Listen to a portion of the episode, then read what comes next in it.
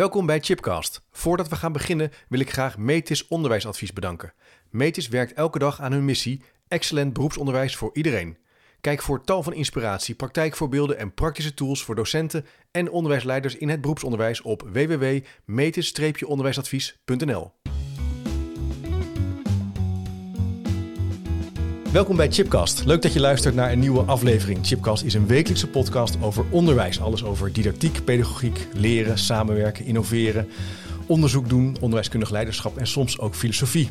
En te gast in de studio is Patricia Veldhuis, plaatsvervangend hoofdredacteur van NRC. Patricia schrijft al jarenlang over onderwijs en is drie keer genomineerd voor de Nationale Prijs voor de Onderwijsjournalistiek. En dit jaar verscheen haar boek Wie wil er voor de klas? Wat er misgaat in het onderwijs en hoe het beter kan. En over deze vraag ga ik in gesprek met Patricia. Hoi, leuk dat je bent. Hoi, dankjewel. Leuk om hier te zijn. Ik heb met zeer veel plezier gelezen. Ik zie misschien wat stickertjes. Ik, uh, ik vond het echt buitengewoon interessant. Ik herken ook een aantal uh, stukken die je al eerder hebt geschreven... die ook samenkomen in het ja, boek. Ja, klopt. Maar je hebt het in korte tijd geschreven, vertelde je, in de voorbereiding. Ja, ja ik, was, um, uh, ik ben met lesgeven begonnen eigenlijk voor de krant. Omdat ik, ik dacht, ik zag daar een verhaal in van waarom willen mensen niet meer voor de klas staan. Dus Ja. ik dacht, ik ga het zelf doen. Daar ben ik mee begonnen in oktober vorig jaar, een jaar geleden. En ergens in januari kwam ik in con- contact met de uitgever die me vroeg van wil je er een boek over schrijven? En weer twee maanden later uh, stond mijn hoofdredacteur op de stoep om te vragen of ik naar de hoofdredactie wilde. Uh, het liefst per 1 mei. Toen heb ik gezegd, nou dat red ik niet, want ik ben een boek aan het schrijven en dat wil ik echt gaan maken. Ja. Uh, dus toen heb ik een paar maanden schrijfverlof genomen in de zomer. En heb ik het in een ja, echt vrij korte tijd af moeten maken. Want sinds 1 september ben ik echt ja, niet meer aan het schrijven. Maar Ja. ja, zit ik in een hoofdredactie. Goh, ja, het is, uh, ik vond het een heel herkenbaar boek. Uh, met tal van voorbeelden waar je ook bijna voelt hoe het is om voor de klas te staan. Jij bent zelf echt voor de klas gaan staan. Ja, hè? ja dus daar gaan we dag in de week. Eén dag in ja. de week in Arnhem. Ja. Ja. Ja. eigenlijk feitelijk Roosendaal Ja, bij Arnhem. bij maar Arnhem. er zitten veel kinderen uit Arnhem Ja, op die school. Ja. Ja, En um, ik wilde je eigenlijk vragen om eens te starten door een stukje voor te lezen uit het boek. ja heel graag.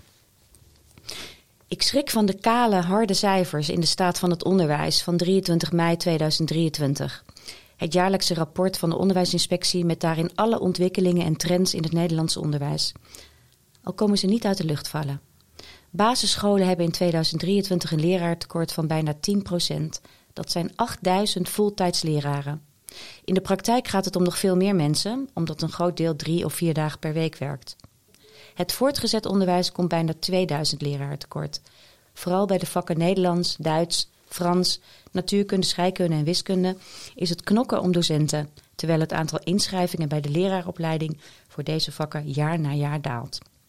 Wie lesgeeft in een van die vakken heeft de banen voor het uitzoeken. In het schooljaar 2021-2022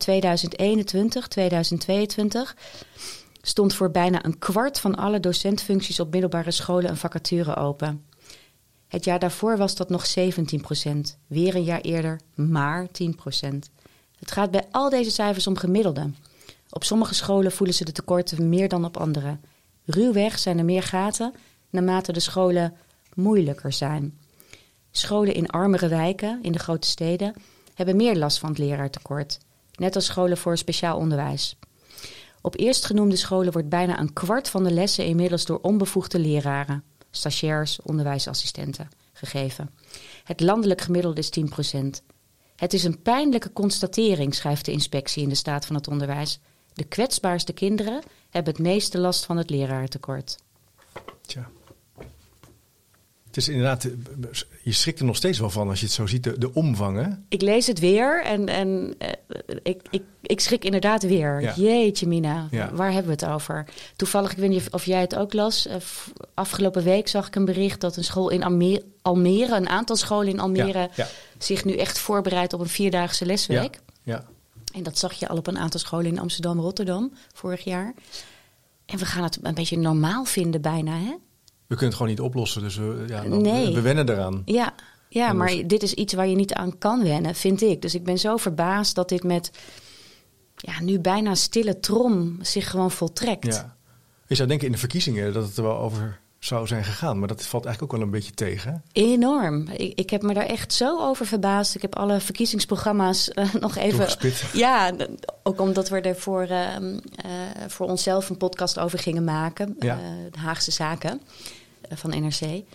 En ik dacht echt, wat, wat, wat lees ik nou? Vooral wat lees ik niet? Ik bedoel, er staat overal wel heel obligaat netjes... We willen iets doen uh, om het leraartekort op te lossen. Of het onderwijs moet beter. Maar hoe en wat, maatregelen, echte plannen, investeringen... Nee. nee VVD gaat zelfs weer vrolijk bezuinigen op onderwijs.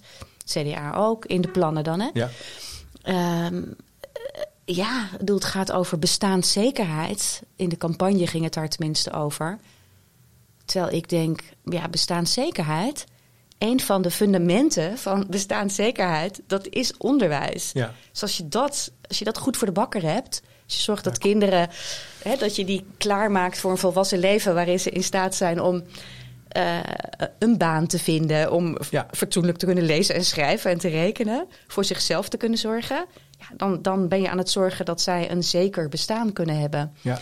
Als je dat onderwijs uitholt, en dat is wat we aan het doen zijn. Uithollen, ja. Ja, echt uithollen. Dan, we zijn echt een generatie aan het opleiden, kweken, die, die, die gewoon minder, ja, minder goed in staat is om, om op eigen benen te staan als ze volwassen zijn. Ja, en om zich goed uit te drukken, om goed hè, dus ja, lezen, Ja, dus alle dagelijkse dingen. Dagelijkse dingen, dat, dat is eigenlijk steeds moeilijker. En uh, ja, goed, het wordt wel heel pessimistisch al. Maar het is natuurlijk, als je, ook als je heel pragmatisch zou zijn een opleiding, eh, het kiezen van een juiste opleiding of het hebben van een, van een, van, van een schooladvies wat bij je past, dat heeft later enorme effecten. Hè? Dat kan een modaal inkomen schelen. Het verschil tussen eh, een huis kunnen kopen of niet uh, ja, gezin kunnen stichten. En, en, en, zelfs levensjaren. Hè? Levensjaren. Als je, als, als je ja. de onderzoeken ziet, um, de verschillen tussen mensen met een universitaire of uh, hogeschoolopleiding en mensen die praktisch zijn opgeleid of geen opleiding hebben, ja, dan heb je het over zeven levensjaren en nog veel meer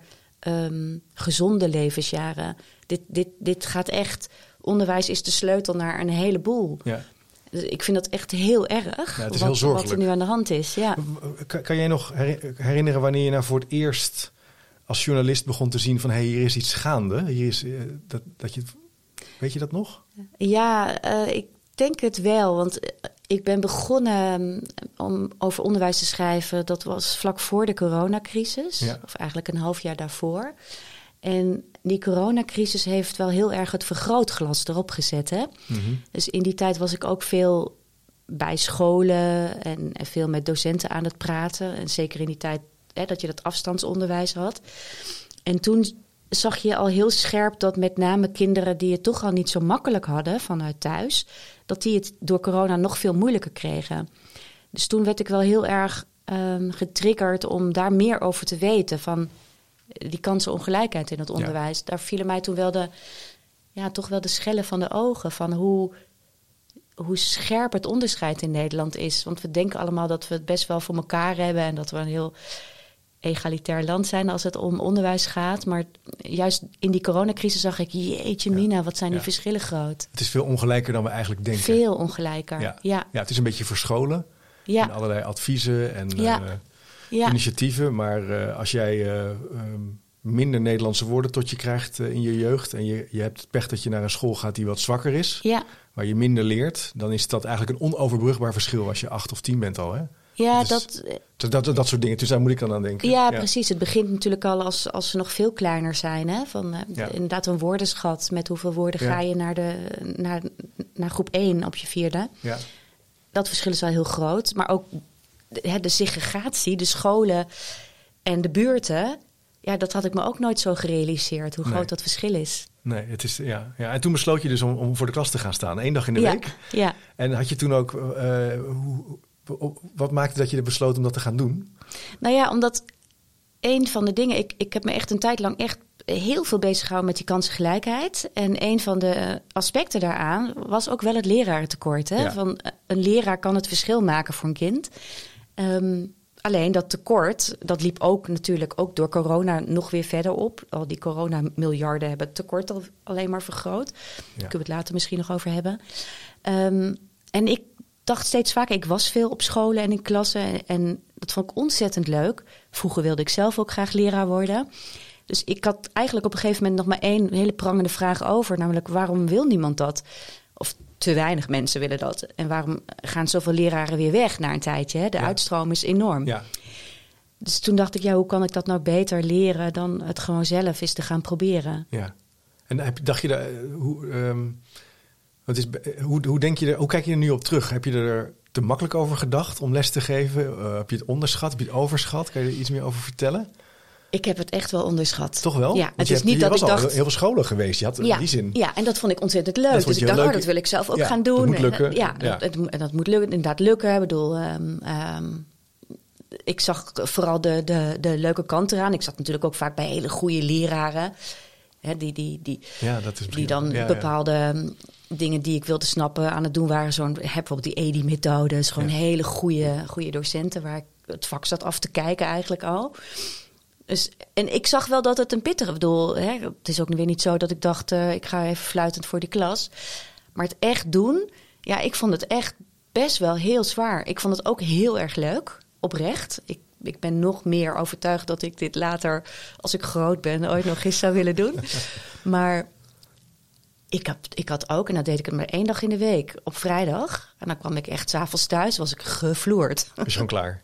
ja, Ja, want je beschrijft ook eh, de tijd die het kost om de lessen voor te bereiden. Ja. Bijvoorbeeld. Dat vind ik ook heel. dat laat ook zien hoeveel tijd daarin gaat zitten. Ja, daar heb ik me ook enorm op gekeken. Want ik dacht, eh, nou ja, goed, je maakt een leuke PowerPoint, een filmpje erin, een dingetje. En tuurlijk, in het begin ben je sowieso aan het zoeken van wat weten ze eigenlijk en Ja. hè, wat, hoe kan ik mijn les zo goed mogelijk ehm, ja, overbrengen eigenlijk. Ja.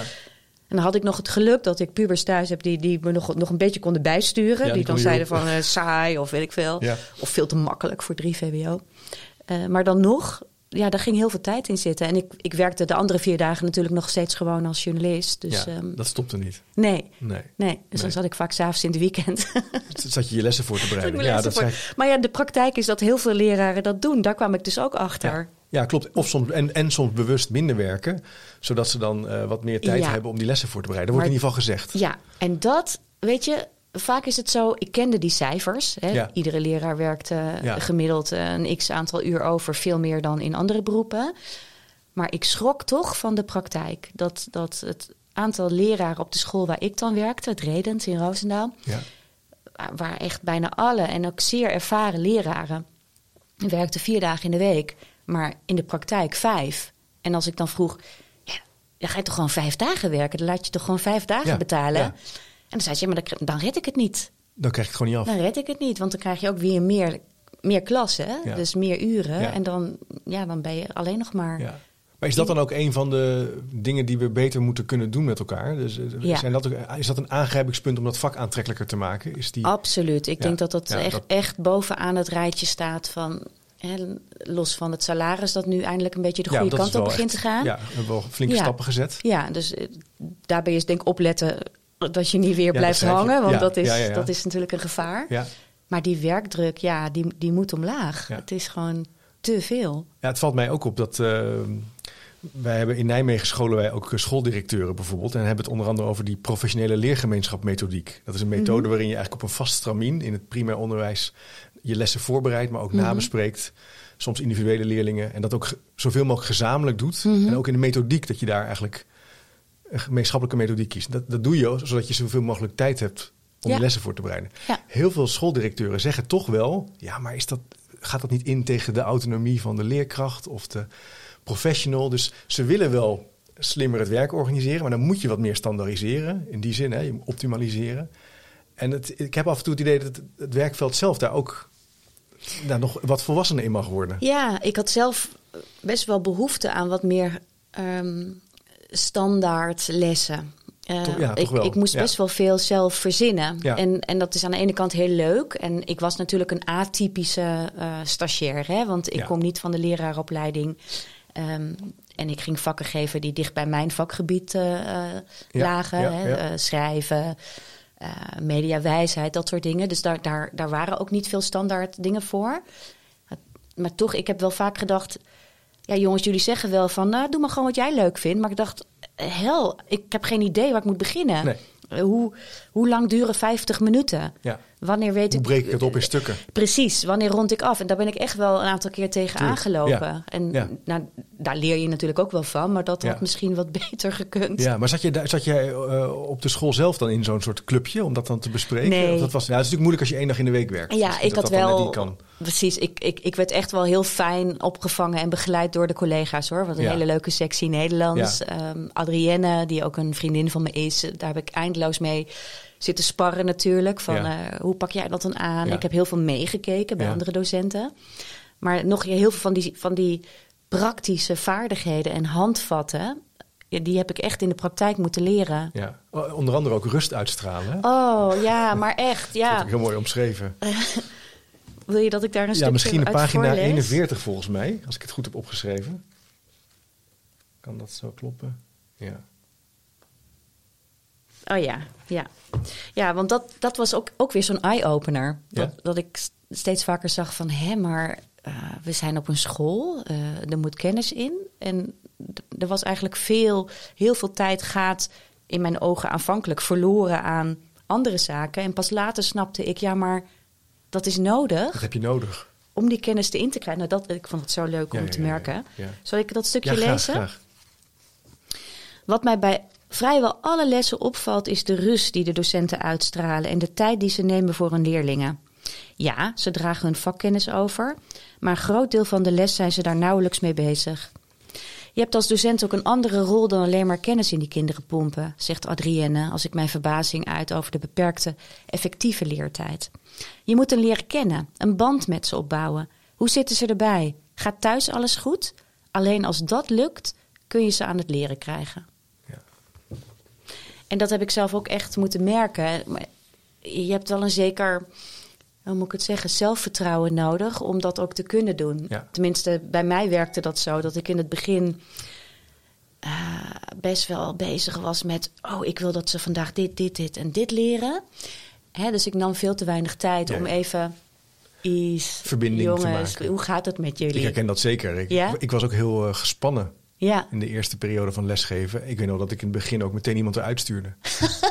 dat ik echt dacht, ga er maar gewoon uit. Het was Wegwezen. 4, 5 VWO. En ik dacht, nou, dat, eh, Ja. dan niet. ja. En dat ik later toch wel met de de decaan en de directeur zei... ja, dat is toch niet helemaal de bedoeling Nee. dat je zo snel escaleert. Het is wel grappig dat je dat zegt, want ik zag dat vaak in de lesobservaties die ik deed, dat ik echt een paar keer dacht van, wauw, laat je dit gewoon lopen? Eh, dat Ja. een groepje echt zat te klooien en, en Ja, dat soort is dingen. niet. En dat ik later pas snapte, ja, je, je moet, en dat is ook weer dat vertrouwen, je, je moet dit kunnen doen. Je moet dingen kunnen laten lopen, omdat je anders alleen maar de hele tijd Ja. bezig bent met corrigeren. En dan krijg je een hele nare sfeer. Ja. Maar goed, je moet natuurlijk ook wel duidelijk je grenzen aangeven. Ja, dus, dus dat, is het, dat is het complex aan het vak. ja, ja en dus, dat is echt iets wat je moet leren. En dat Ja. heeft dus te maken met ook de aantrekkelijkheid van het vak. Maar je zei Ja. daarvoor nog even iets over, die, eh, over de coronaperiode... en hoe dat Ja. eigenlijk eh, de, de korte verergerd, heeft verergerd. Ja, ja, Misschien kan je daar nog iets over zeggen. ja. Dat, dat, ik, ik vond het zo interessant en het zegt ook zoveel over hoe, hoe er vanuit eh, ja, zeg maar de overheid naar onderwijs wordt gekeken. Van hè, je kwakt er een bak geld in en dan is het opgelost. Mhm, eh, mhm. Even oneerbiedig gezegd. Want je ziet als je naar die cijfers kijkt. eh, het geld dat door kabinetten in onderwijs is gestopt, dat is echt verveelvoudigd. Hè? Het aantal miljarden de afgelopen jaren. Terwijl parallel daaraan de kwaliteit afneemt. Hè? Ja. Kinderen kunnen minder goed leren. De verschillen zijn groter geworden. Eh, de bijlesindustrie is geëxplodeerd. Schrijf je ook over. En, ja, en het lerarentekort is eh, toegenomen. Ja. Dus wat gebeurt er dan met het geld? Hoe, hoe werkt dat? Nou, ehm, dat zag je heel mooi gebeuren in corona. Eh, toen is er, ik geloof na een, een half jaar coronatijd... en hè, die leerachterstanden liepen natuurlijk op... toen is er besloten om 8,5 miljard, miljard hè, dat, we hebben het over een krankzinnig bedrag... om dat aan het onderwijs eh, te geven. En dat moest dan in eerste instantie binnen twee jaar worden opgemaakt. Nou, ik heb hier trouwens eh, met een collega een reconstructie over geschreven destijds. Van Ja. waar kwam dat Want wij waar komt dat bedrag Ja. nou vandaan? Wie, wat is nou, Ja. hoe verzin je Hoe is dat 8,5? berekend? Ja. Ja. En dat is ook een krankzinnig eh, verhaal geworden van achter de schermen. We hebben die stukken gewopt. Tegenwoordig heet dat gewoot. En, en dan zie je dat het eigenlijk een soort machtsspelletje is tussen financiën en onderwijs en de ambtenaren. Die soms echt letterlijk op een bierviltje. Oké, wat kost het als we iedereen een jaar laten zitten? Zus en zo, als we dat dan verdubbelen. Dit soort, I kid you not, Bizar. dit hebben we allemaal, dit soort gesprekken hadden we op. Dus het was natte vingerwerk. Hup, we strooien het uit over het veld. Met de beste bedoelingen, hè, zeg ik erbij. Alleen dat veld uh, zat ineens met geld dat binnen een bepaalde tijd op moest. En uh, konden ze uit een menukaart kiezen voor tutorklasjes, ja. uh, mentorlessen, extra bijlessen. Alleen wie moest dat doen? De leraren lagen ook toen al niet voor het opscheppen. Nee, ik weet ook dat heel veel besturen hier eh, zich ook zorgen om maakten. Ja. En niet goed wisten wat ze ermee aan moesten. En bijna dus last van hadden in zekere zin. Ja, bijna een paradox. Absoluut. Ja, dat merkte ik. Wij, wij hebben toen heel veel directeuren op verschillende scholen gebeld. En um, hoe uh, moeilijker een school die passage die ik net al voorlas, bijvoorbeeld speciaal onderwijs, die zagen hun leraren vertrekken omdat scholen allemaal in dezelfde vijver gingen vissen. Plus dat er nog een um, hele grote uh, visser bij kwam, namelijk het, uh, zeg maar de bijlesbureaus. Um, ja. Want die, die zagen ook uh, 8,5 miljoen liggen. En zo werkt het natuurlijk. Het is vraag en aanbod. Dus die kwamen er ook nog eens bij. En die, die gingen leraren ook wegtrekken uit scholen. Om te zeggen, jij gaat uh, bij ons werken, hoef je niet meer te vergaderen. Je krijgt een auto en, en, je gaat bijlessen geven. Dus het, het versterkte het lerarentekort. Een hele vreemde, perverse prikkel. Ja. Die mensen ja. eigenlijk uit het primaire proces heeft getrokken. Ja. ja. Tom van en, Haper heeft daar ook wel over getwit van begin af aan. Die zei, dat gaat niks opleveren. Gaat, nee, het kan niet. Sterker nog, je maakt het erger. Je maakt het erger. Ja, en He, dat, dat, dat zie je vaak met um, onderwijsgeld dat uh, niet structureel is. En dat is vaak gebeurd hè, voor uh, ja. Achterstandsgelden, ja. hup. En, en, en, en dan konden scholen dan meeloten. Onderwijsafstandbeleid ook, hè? Ja. passend onderwijs. Ja. ja, het zijn allemaal... Er is weinig echt langdurig beleid Ja. dat, dat, dat consistent is, dat, dat het onderwijs versterkt. Er zijn heel veel van die snelle oplossingen, dus een beetje pleisterwerk eigenlijk, die wel heel veel geld hebben gekost. Ja. Maar waar je uiteindelijk niet zoveel meer bent opgeschoten. Dus dan heb je eigenlijk, hebben we eigenlijk al een aantal verklaringen voor die vraag van wie, wie wil je nou voor de klas. Het is ook een, natuurlijk een prikkelende vraag van ja, wie wil er nog voor de klas? Ja. Zo heb ik, lees Ja. ik het dan ook. Dat, dus, dat er tekorten zijn verergerd, wat nog meer druk zet op die werkdruk. Ja, Het vak wordt daarmee minder aantrekkelijk. ja, Eh, het, het kost moeite om het vak te leren en die tijd moet er ook zijn. Nou, dat heb je zelf ervaren. Ja. En het wordt ook niet aangemoedigd. Hè? Dat, dat, is, dat heeft ook met de status van het vak te maken, wat een beetje is uitgehold. Ik denk als je 50, 60 jaar geleden was een leraar echt nog wel Dat status. dat status. Ja, Ja. Bijvoorbeeld- ik, ik, ik heb een schoonvader die zijn leven lang voor de klas heeft gestaan. Nou, die zegt ook wel eens, ik zou er nu niet meer aan moeten denken. Nee. Maar hij was vroeger de, de hoofdmeester, weet je wel. En daarna leraar Ja. economie. Nou ja, dat, hij heeft het ook echt wel zien veranderen. Ja. Ook de schooldirecteur. hè. Ja, ja die, die zijn ook, eh, die kan, kan je ook nergens meer vinden. Ze zijn toch? vaak, dat is, ze, zijn, ja, ze zijn gelukkig soms wel zichtbaar, maar vaak ook niet zichtbaar. nee, en enorme tekorten. Nog, Enorme nog tekorten. groter relatief dan het En lerarentekort. een pittige baan. Sommige mensen zeggen, ja, Ja. dat wil ik ook ja, niet meer. ja, en het verschil tussen lesgeven en directeur zijn dus ook niet heel erg groot financieel. Dus ehm, Nee. Nee, Nee, dat maar heb zit je ook echt, niet het eh, idee dat, eh, dat het... ehm, als je nu op een school komt, is de, dus de autoriteit die een leerkracht en een, of een docent heeft, is ook veel minder.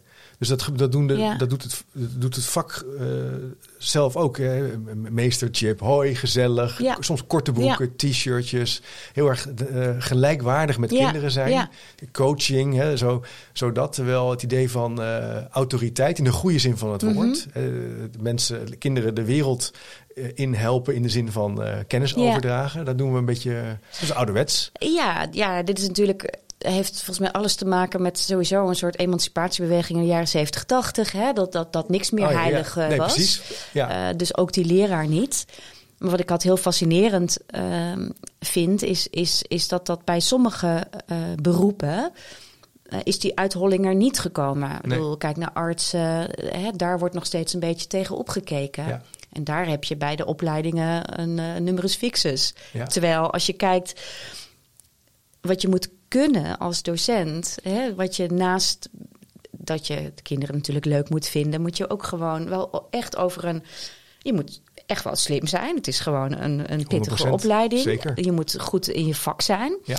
Eh, je hebt echt een flexibele hm, hoofd nodig, zeg maar, om je Ja. snel aan te kunnen passen. Ja. Het is niet niks wat we vragen. Nee. En toch doen we alsof dat iets is wat, ja, wat iedereen maar een beetje kan doen. Ja. Dat vind ik heel fascinerend. fascinerend. En, en hoe kijk jij nou, de, de, de, wat even over de politiek, hè?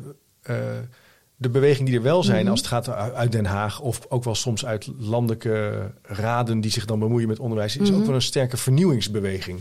Dat houdt mij nog steeds wel bezig. Ik weet niet Ja. of, jij dat, of jij dat onderschrijft van Gelukkig is de tijd wel een beetje aan het keren. Hier ligt op tafel bijvoorbeeld een kwaliteitswaaier. En de NRO doet ook wel echt hele mooie dingen Ja, met het proberen ja. van eh, die kennis over te dragen. Maar er is toch een hele sterke druk, vind ik, om te vernieuwen. Ja, ja. Vind je dat nou ook? Of Ja, dat, dat, dat zie ik zeker. Je ziet telkens weer bij nieuwe scholen die worden opgericht... dat er weer allerlei eh, eh, Ja. nieuwe concepten liggen... eh, die de hele dag buiten spelen. Het, het kind dat uit zichzelf wel gaat leren. Hè, dat romantische ideaal ja, van het naturalistisch? ja, zichzelf lerende kind. Ja, ik vind dat... Hè, dat klinkt allemaal namelijk superleuk. En oh ja, nou, ik wil ook om- dat mijn kind de hele dag lekker buiten speelt. Ja. Maar het is echt een geromantiseerd beeld... wat ook alleen maar werkt bij kinderen die toch al van huis uit... van alles meekrijgen. Met ouders die, eh, die lezen en die voorlezen. Mhm. Ja. Eh, en een kind dat al voorsprong heeft... ja, daar hoef je natuurlijk niet zo zorgen om te maken. Dat kind komt er wel. Maar een hele grote groep kinderen... die hebben gewoon school nodig... dat ze de basis leert, de basisvaardigheden. Ja. Dus in die zin ben ik wel blij... wat ehm, het ministerie is wel begonnen met die basisvaardigheid... Hè, om Ja. dat eh, op te krikken.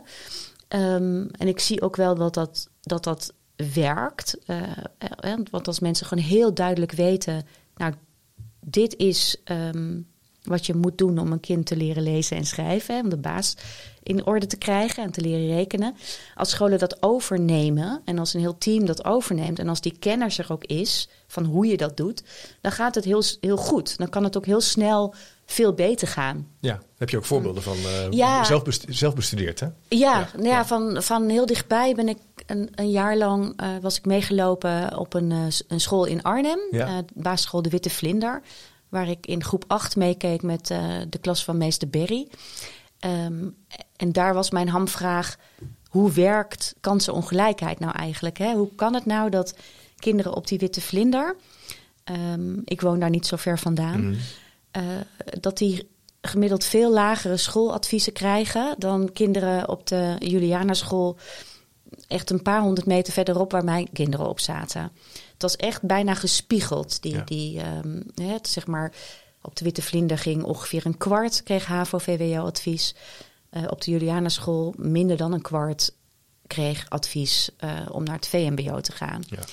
En dat, dat kan je niet verklaren Nee, het is niks op in intelligentie. zo. nee, Nee, nee. Dan, Hè, dan kom je echt uit bij ja, hoe er naar kinderen gekeken wordt vanuit hun positie, vanuit Ja. het nest waar ze geboren worden. Ja. Dus het was een super leerzaam eh, jaar voor mij. Maar die school die stond er toen ik er was dat jaar echt super brak voor. Ook grote leraartekorten, leraren liepen weg, eh, gaten die gevuld werden met, nou ja, alle tips en trucs, eh, ouders voor de klas. eh, Gewoon overleven, echt die- overleven. Overleven, Ja. ja. En toen ik er een paar maanden was, kwam ook de onderwijsinspectie langs. Dat was best wel pijnlijk, want ja, dan heb je ook nog de pers in school. En toen kreeg, kreeg ze ja, het laagste oordeel zeer zwak. Er zijn echt maar een paar scholen, dat weet jij hè, in Nederland, die dat hebben. Ja. En dat is echt een heel, heel, heel naar eh, oordeel. Want ja, je krijgt dan nog een jaar om te herstellen. Ja. En anders, ja, dan kan de minister besluiten om in te grijpen. Ja. hè, de Ja, het is echt wel, eh, code rood, hè? Ja. Het is echt code rood, Ja. ja. En wat er toen gebeurde was, vond ik echt fascinerend om te zien. Eh, er zat een interim directie.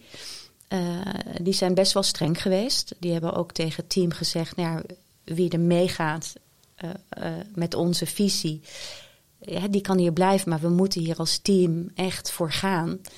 En er zijn er echt een paar mensen weggegaan, onder wie meester Berry. Helaas, want fantastische leraar. Maar hij kon zich minder goed vinden in de, in de aanpak. Ja. Maar dat nieuwe team, er zijn weer ook nieuwe docenten gekomen.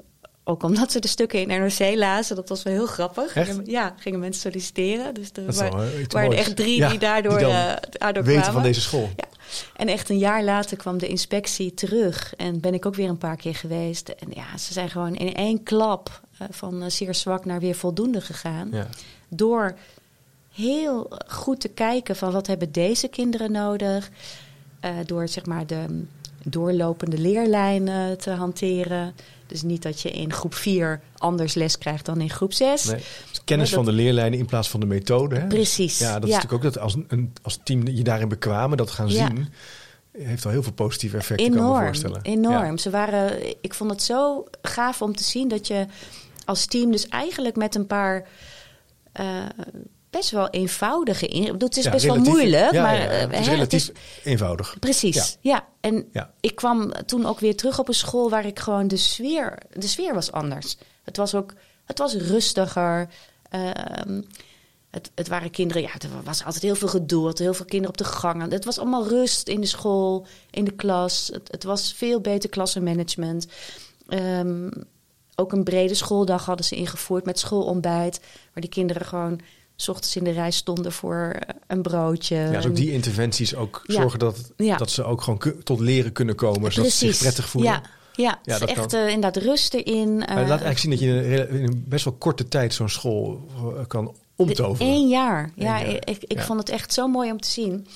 En het, zo'n jaar is te kort om echt, zeg maar, ook echt je leerresultaten Nee, dat al heel goed aan te passen. Ja, Maar toch zag je daar ook al wat significante verschillen. Ja. Dus, eh, ja. Dus het, het kan wel, dacht Ja. ik toen. En, eh, maar en leren we daar voldoende van in Nederland? Want dit zijn, Nou, dit zijn wel praktijken waar je kan denken van... jeetje, dat moeten we gewoon Ja. ook doen. Wat, wat, wat mij zo verbaast, en, en die vraag heb ik ook aan meerdere onderwijsdeskundigen eh, voorgelegd. Ehm, als jij chirurg bent en hè, dan heb je een aantal regels waar je aan voldoet. Bijvoorbeeld, jij gaat iemand opereren, nou dan ga je je handen wassen van tevoren, toch? En dan doe je handschoenen aan. Ja, ja.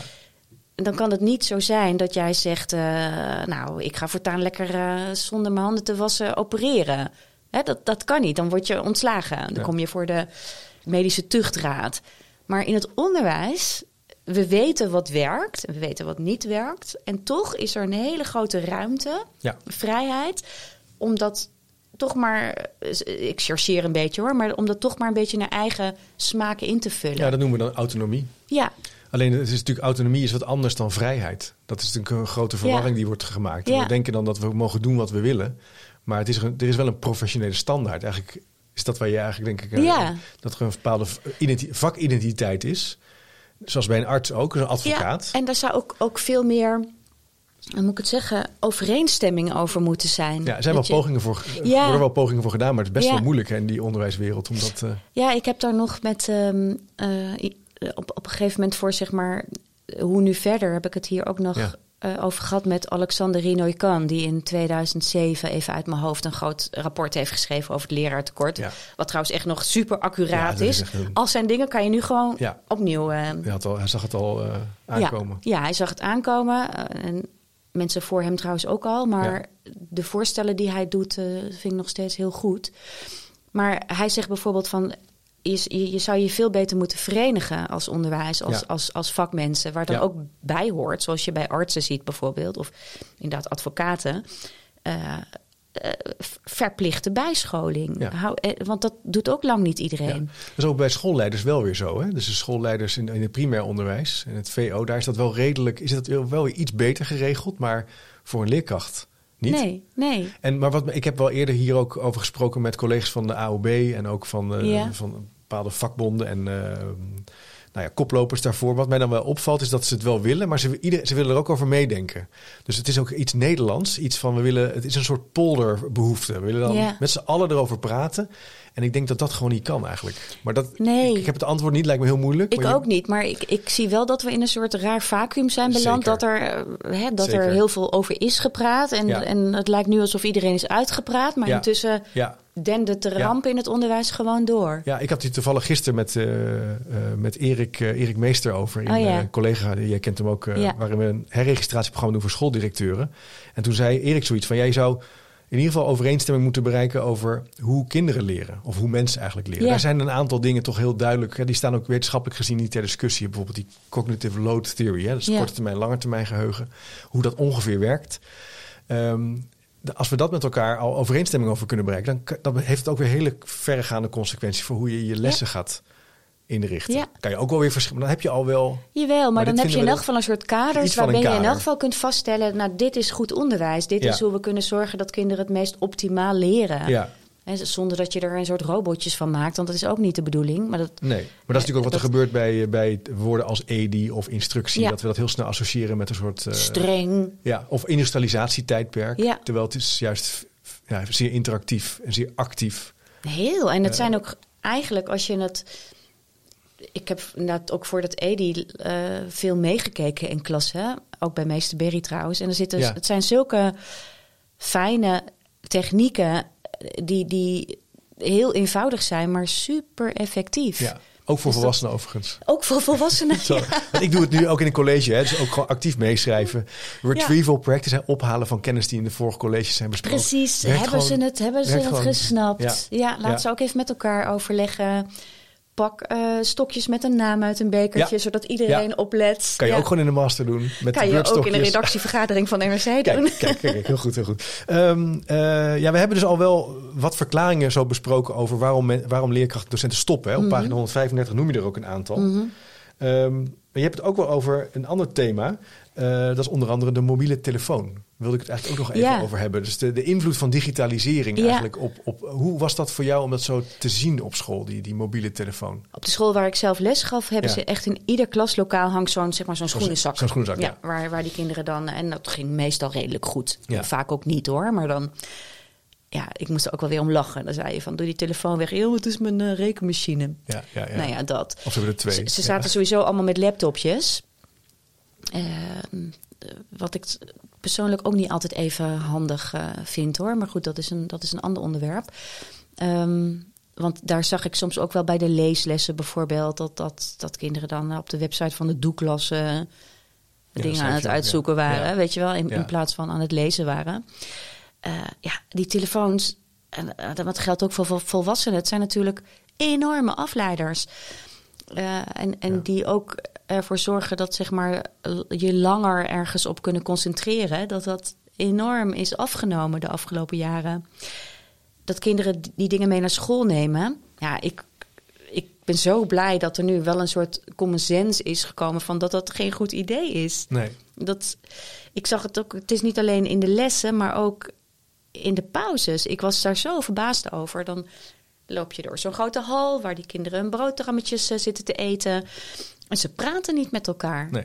Ze zitten allemaal zitten naast elkaar op een telefoon. En dan vroeg ik wel eens, eh, jongens, wat zijn jullie aan het doen? Ja, we zijn aan het gamen. Ja. Ik zei, nou, lekker gezellig. Ja, maar we gamen wel met elkaar, mevrouw. Ja. Ja, maar eh, weet je, ga lekker kaarten of zo. Of Ja. kletsen. Ja. Het is, Ja, ze zijn eh, wel in verbinding met elkaar inderdaad. Ze hebben Ja. niet het, maar het heeft wel iets, iets een beetje zombie nation heel erg naar je binnen gekeerd. Ja, hè? en misschien ben ik ook echt wel gewoon een totale boomer. Ongetwijfeld. Maar, Ja. Want ik heb die discussies natuurlijk ook wel thuis met mijn kinderen. Want dan zit mijn jongste met zijn vriendje op de ik- bank ik ook. probeer het ook te doen, maar ja. Ja. Maar wat iets allemaal, weet je, Ja. ik heb hier het boek van Johannes Visser. Pak het even. Oh ja, ja. En die zei wel iets heel interessants hierover. Van eh, die telefoon, daar staat ook eh, de hele dag door krijg je cijfers en updates. ja, ja. Eh, dus dat doet ook wat met je gestel. Ik weet niet hoe, hoe Ja. jij dat ziet. Het feit dat je dus eigenlijk dag en nacht kan je dus een, eh, een cijfer terugkrijgen. Op magister Op bedoel magister. je? Oh dus ja, telefoon ja, is veel nee, meer. maar dat... is veel meer dan een game. Is ook een, is een, Het- is het je is- informatiemanagement systeem. Maar dat is net als het voor ons. Het is ons kantoor. Ja, je hebt het de hele tijd bij je. Hè? Het is, eh, dat doet iets met mensen, maar ook iets met kinderen. Ja, en dat magister vind ik ook richting ouders trouwens. Dat heeft ook wel een hoop teweeggebracht. Die, een van de dingen waar ik ook over schrijf in het boek is die rol van ouders. Hè? Die, die, die veel meer eh erbovenop zitten dan vroeger. En dat komt ook door magister. Ja. Eh, als mijn kind te laat komt of een boek vergeten is, dan kan ik dat zien in magister. Ja. Nou, als ik dat vroeger had gehad, dan. Ja, nou ja, ik was niet zo'n hele brave leerling. Dus, maar mijn ouders zijn helemaal gek geworden waarschijnlijk. Ja, ik vond het juist fijn dat ze dat niet wisten. Ja, precies, dat je het een beetje daarom. toch. En, en nu Precies, en inderdaad, het is volledige een- transparantie. Ja, en ik, Dus ik vind dat niet goed. dat we daarmee ook de druk, eigenlijk is de druk op die leerlingen heel hoog geworden. Want ze hebben dus niet alleen, moeten ze dus eh, het heel goed doen op school. Ja. Ze moeten ook eh, eh, altijd goede cijfers halen, dat goed kunnen, ver- eh, kunnen vertellen. Ja. Ze moeten verantwoordelijkheid nemen voor hun eigen leerproces. Dus niet alleen de inhoud. Vroeger was de docent verantwoordelijk, maar nu moet je dat zelf ook nog eens. Bent sowieso verantwoordelijk voor je eigen leven, Ja. voor je eigen succes of falen. En die krijg je dus ook steeds terug. En Ja. kinderen krijgen dat steeds terug. Dat lijkt me overigens ook voor een docent is dat eigenlijk ook natuurlijk...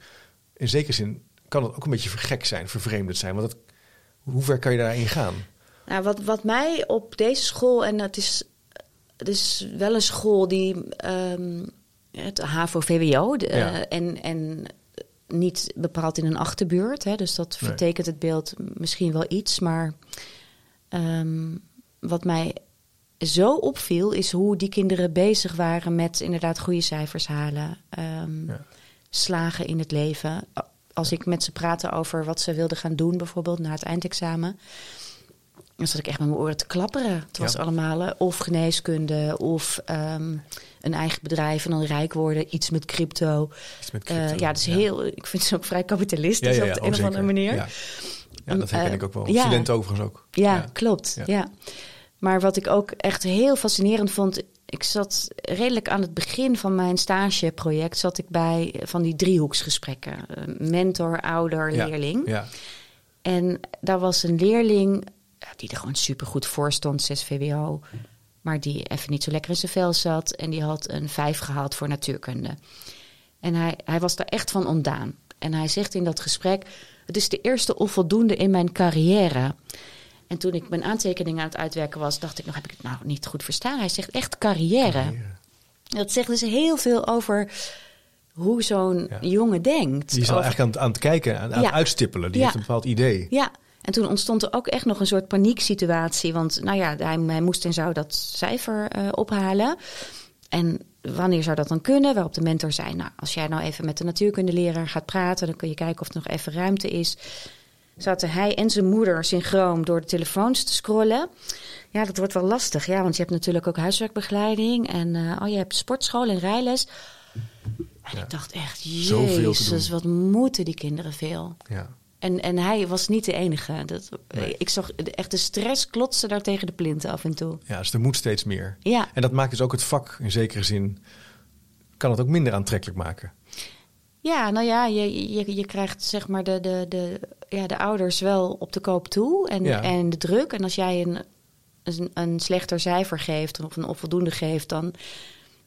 Ja, ik, ik wist niet wat ik meemaakte. Nee. Je, je krijgt onmiddellijk repliek. Ja, ja. Ik had één jongen een keer een vijf en een half gegeven voor een, ehm, een schrijfopdracht. En ehm, nou, ik had het nog niet ingevuld in het systeem. Of ik kreeg een mail van hem terug. Met, en dan ook echt in groot kapitaal. Mevrouw, als ik hier iets over mag zeggen, ik ben het hier niets mee eens. ik dacht echt, huh? Ja, wat is dit nou? Hij was het er niet mee het eens. niet mee eens. Nee. Eh, ehm, je, noemt- je, hebt een aantal, je noemt een aantal richtingen hè, om, om het eh, toekomst van ons onderwijs, ja, eh, dat we hoopvolle toekomst in Ja. kunnen gaan. Hè. Werkdruk, salaris, het lek dichten. Ja. Eh, doe wat werkt. Hè, hier, hè, dus daar Ja, hebben we het eigenlijk over gehad. Dus evidence-based, eh, dat is ook weer evidence-informed, evidence-based. Nou, gewoon weet, weet, doen wat werkt. Ja. De prestatiedruk, daar hebben we het denk ik ook nu over Ja. gehad. Geld beter uit, eh, uitgeven, maar ook later selecteren. Dat is iets wat we nog niet helemaal besproken, besproken hebben. Ja, dat, dat is een van die maatregelen die, waar ik veel over heb geschreven toen ik me nog bezig hield met eh, kansenongelijkheid. Ja. Ehm, en eh, ik weet dat er ook kritiek op is, maar volgens mij is het toch wel een manier om te zorgen dat kinderen beter in staat zijn om zeg maar echt het beste uit zichzelf te halen of te worden wie ze zijn. Ja. Omdat als ze elf zijn, ja, ze zijn nog zo jong. Krijg je voorlopig advies al. Ja, Ja. in groep 7. Ja, en, Ja. En, en overigens na corona was het al eind groep 6, hè, werd er een voorlopig advies gegeven. Daar was ik zelf heel erg van geschrokken. Want eh, dat ik dacht van, hé, wat zitten we nou? eh, Ja. Dat is Je natuurlijk hebt- heel jong. Het is, Ja. het is heel jong. Je Slaat natuurlijk... laten we wel weten, dat, dat, voor mij zijn we er ook over, dat slaat niet echt op. Nee, dat, Nee. en we zijn in Nederland redelijk eh, een uitzonderingsland wat dat betreft. Hè. De meeste landen Ja. hebben die selectie pas rond 14, 15. Ja, ja klopt. Ja. Dus wij doen dat heel vroeg. En eh, selecteren hoeft niet eens heel erg te zijn als je, als je dan goede eh herstelmomenten in het systeem bouwt. Maar wat we ook weten en hebben gezien de afgelopen jaren, is dat ehm, stapelen hè, van VMBO naar Mhm, HAVO, et cetera, mhm. dat het steeds moeilijker is geworden. Omdat scholen ook allemaal van die. Hè, ze, ze, ze, ze moeten het toestaan, maar ze werpen zelf ook weer barrières op. Ja. Hè. Ze vragen dan bijvoorbeeld: je moet gemiddeld een 7,5 staan Ja. of zo om Ja. eh, door te kunnen naar de HAVO.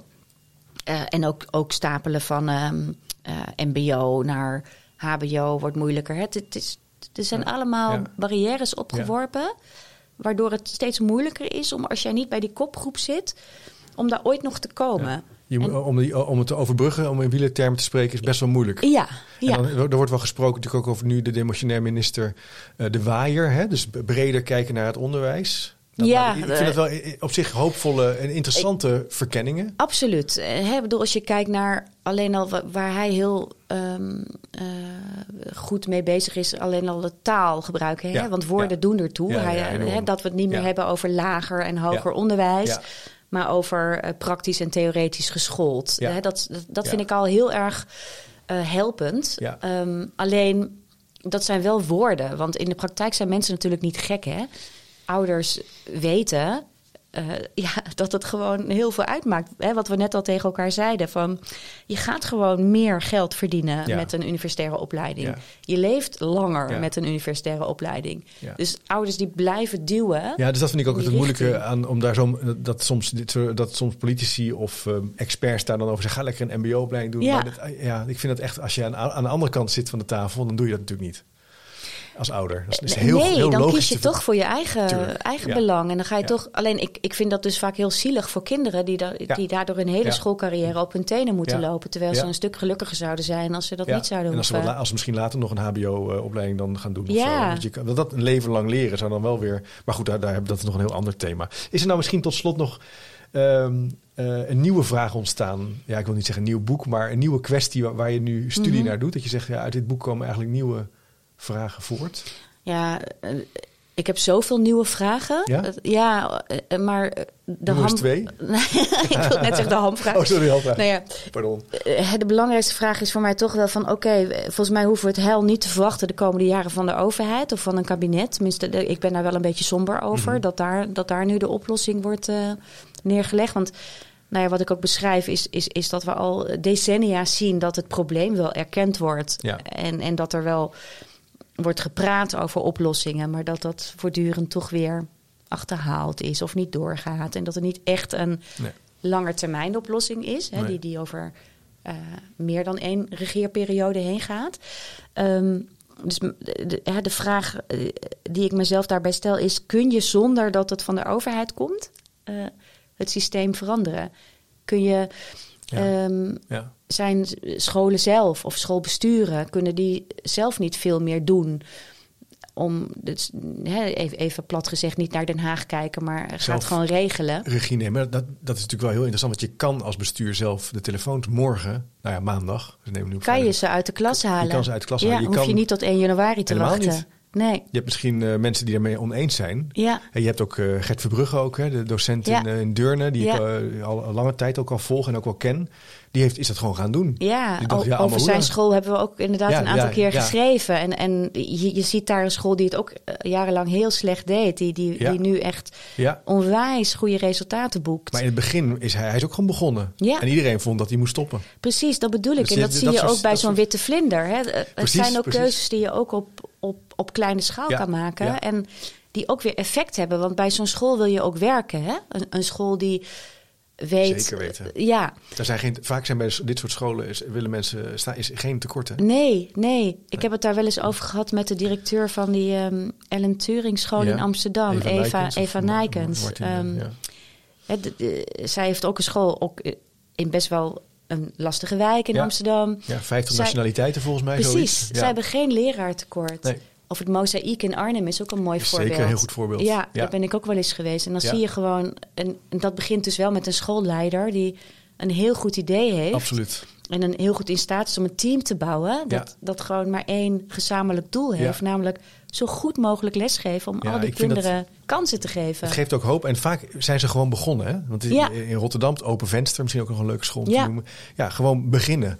Met nadenken over wat is eigenlijk goed onderwijs hier. En Precies. goed naar je cijfers kijken. Die doorgaande leerlijn pakken. Niet afhankelijk worden van die methodes. Ja, dus dan, eh, kijk, als, als we, we meer schoolleiders kunnen vinden die dat, die dat doen, die dat durven. En, en, en hè, die ook ehm, de weg weten. Want je moet natuurlijk ook wel weten waar de subsidies liggen die jij dan weer Ja. binnen kan harken. Ja, ja. Om dit goed te doen. Maar vooral die in staat zijn om goede mensen aan zich te binden.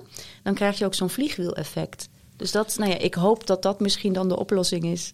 Super interessant, Patricia. Ik hoop dat je er over, lang over blijft schrijven. ja, nu even niet. Nu even maar... niet, maar misschien nog na een tijdje weer wel. Want heel ik, graag. Ik heb het ja. echt met heel veel plezier altijd gelezen. En het is een ontzettend mooi boek. Dankjewel voor je tijd. Leuk om hier met je over in gesprek te gaan. Beste luisteraar, als je nou het een leuk gesprek vond of je hebt een reflectie, deel het even op chipcast.nl of schrijf een recensie via Spotify of Apple Podcast. Vind ik altijd wel leuk. Dat helpt ook voor de zichtbaarheid van het kanaal. En ik zou zeggen, tot de volgende keer maar weer.